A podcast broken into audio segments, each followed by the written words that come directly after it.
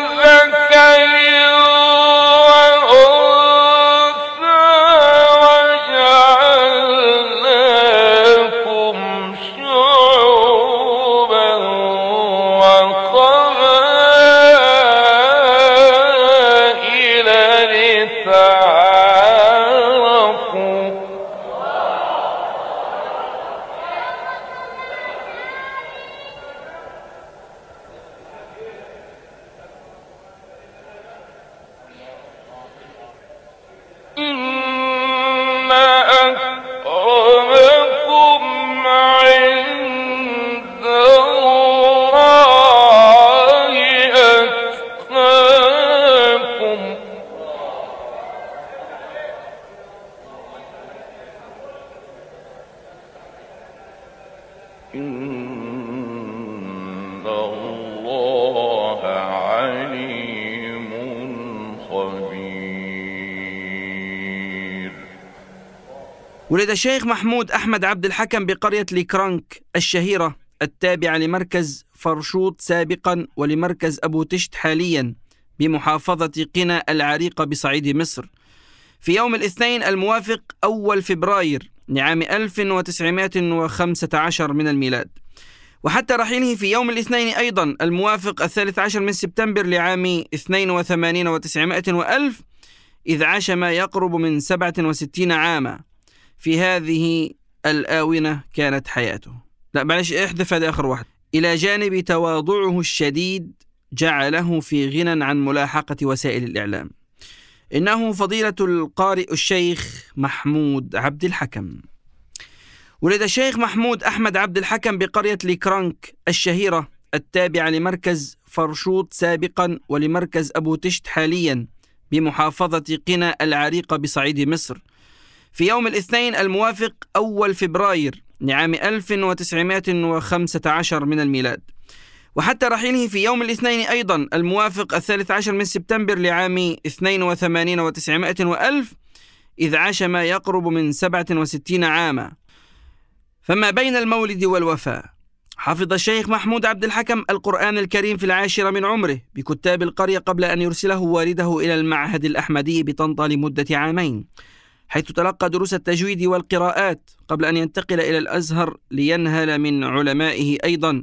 لمدة عامين آخرين إبان تلك الفترة التي اتجه فيها إلى تقليد كبار قراء عصره بشكل نال استحسان الناس والمعارف الذين شجعوه على المضي في طريق التلاوة. وبالفعل ذاع صيته واتسعت دائرة شهرته.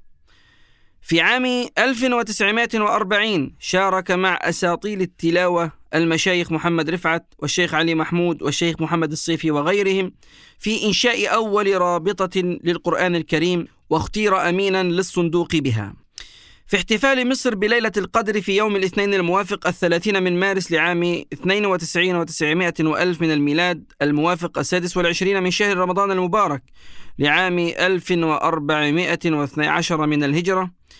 كرم الرئيس محمد حسني مبارك اسم القارئ الشيخ محمود عبد الحكم بمنحه وسام العلوم والفنون من الطبقة الأولى. كان القارئ الشيخ محمود عبد الحكم نموذجا يحتذى لأهل القرآن من حملة الكتاب الكريم على امتداد مسيرته الحافلة في دولة التلاوة على مدى ثلث قرن أو ما يزيد. استطاع أن يجسد خلالها بصمته بوضوح في سجل الخالدين من كبار القراء.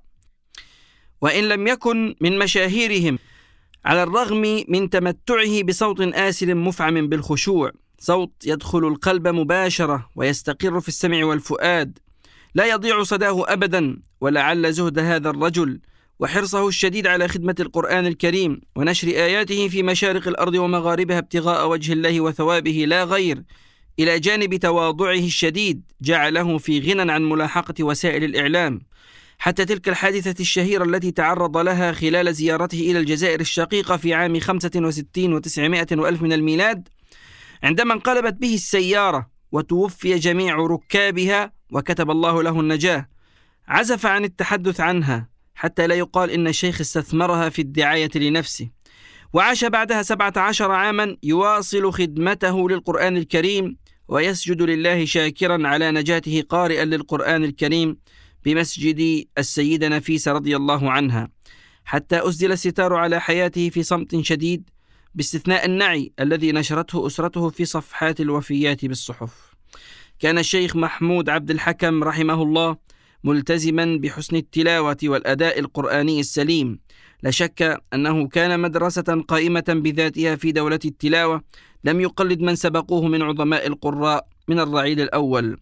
توفي الشيخ محمود عبد الحكم في يوم الاثنين الموافق الثالث عشر من سبتمبر من عام 82 وتسعمائة وألف من الميلاد. رحم الله فضيلة القارئ الشيخ محمود عبد الحكم رحمة واسعة.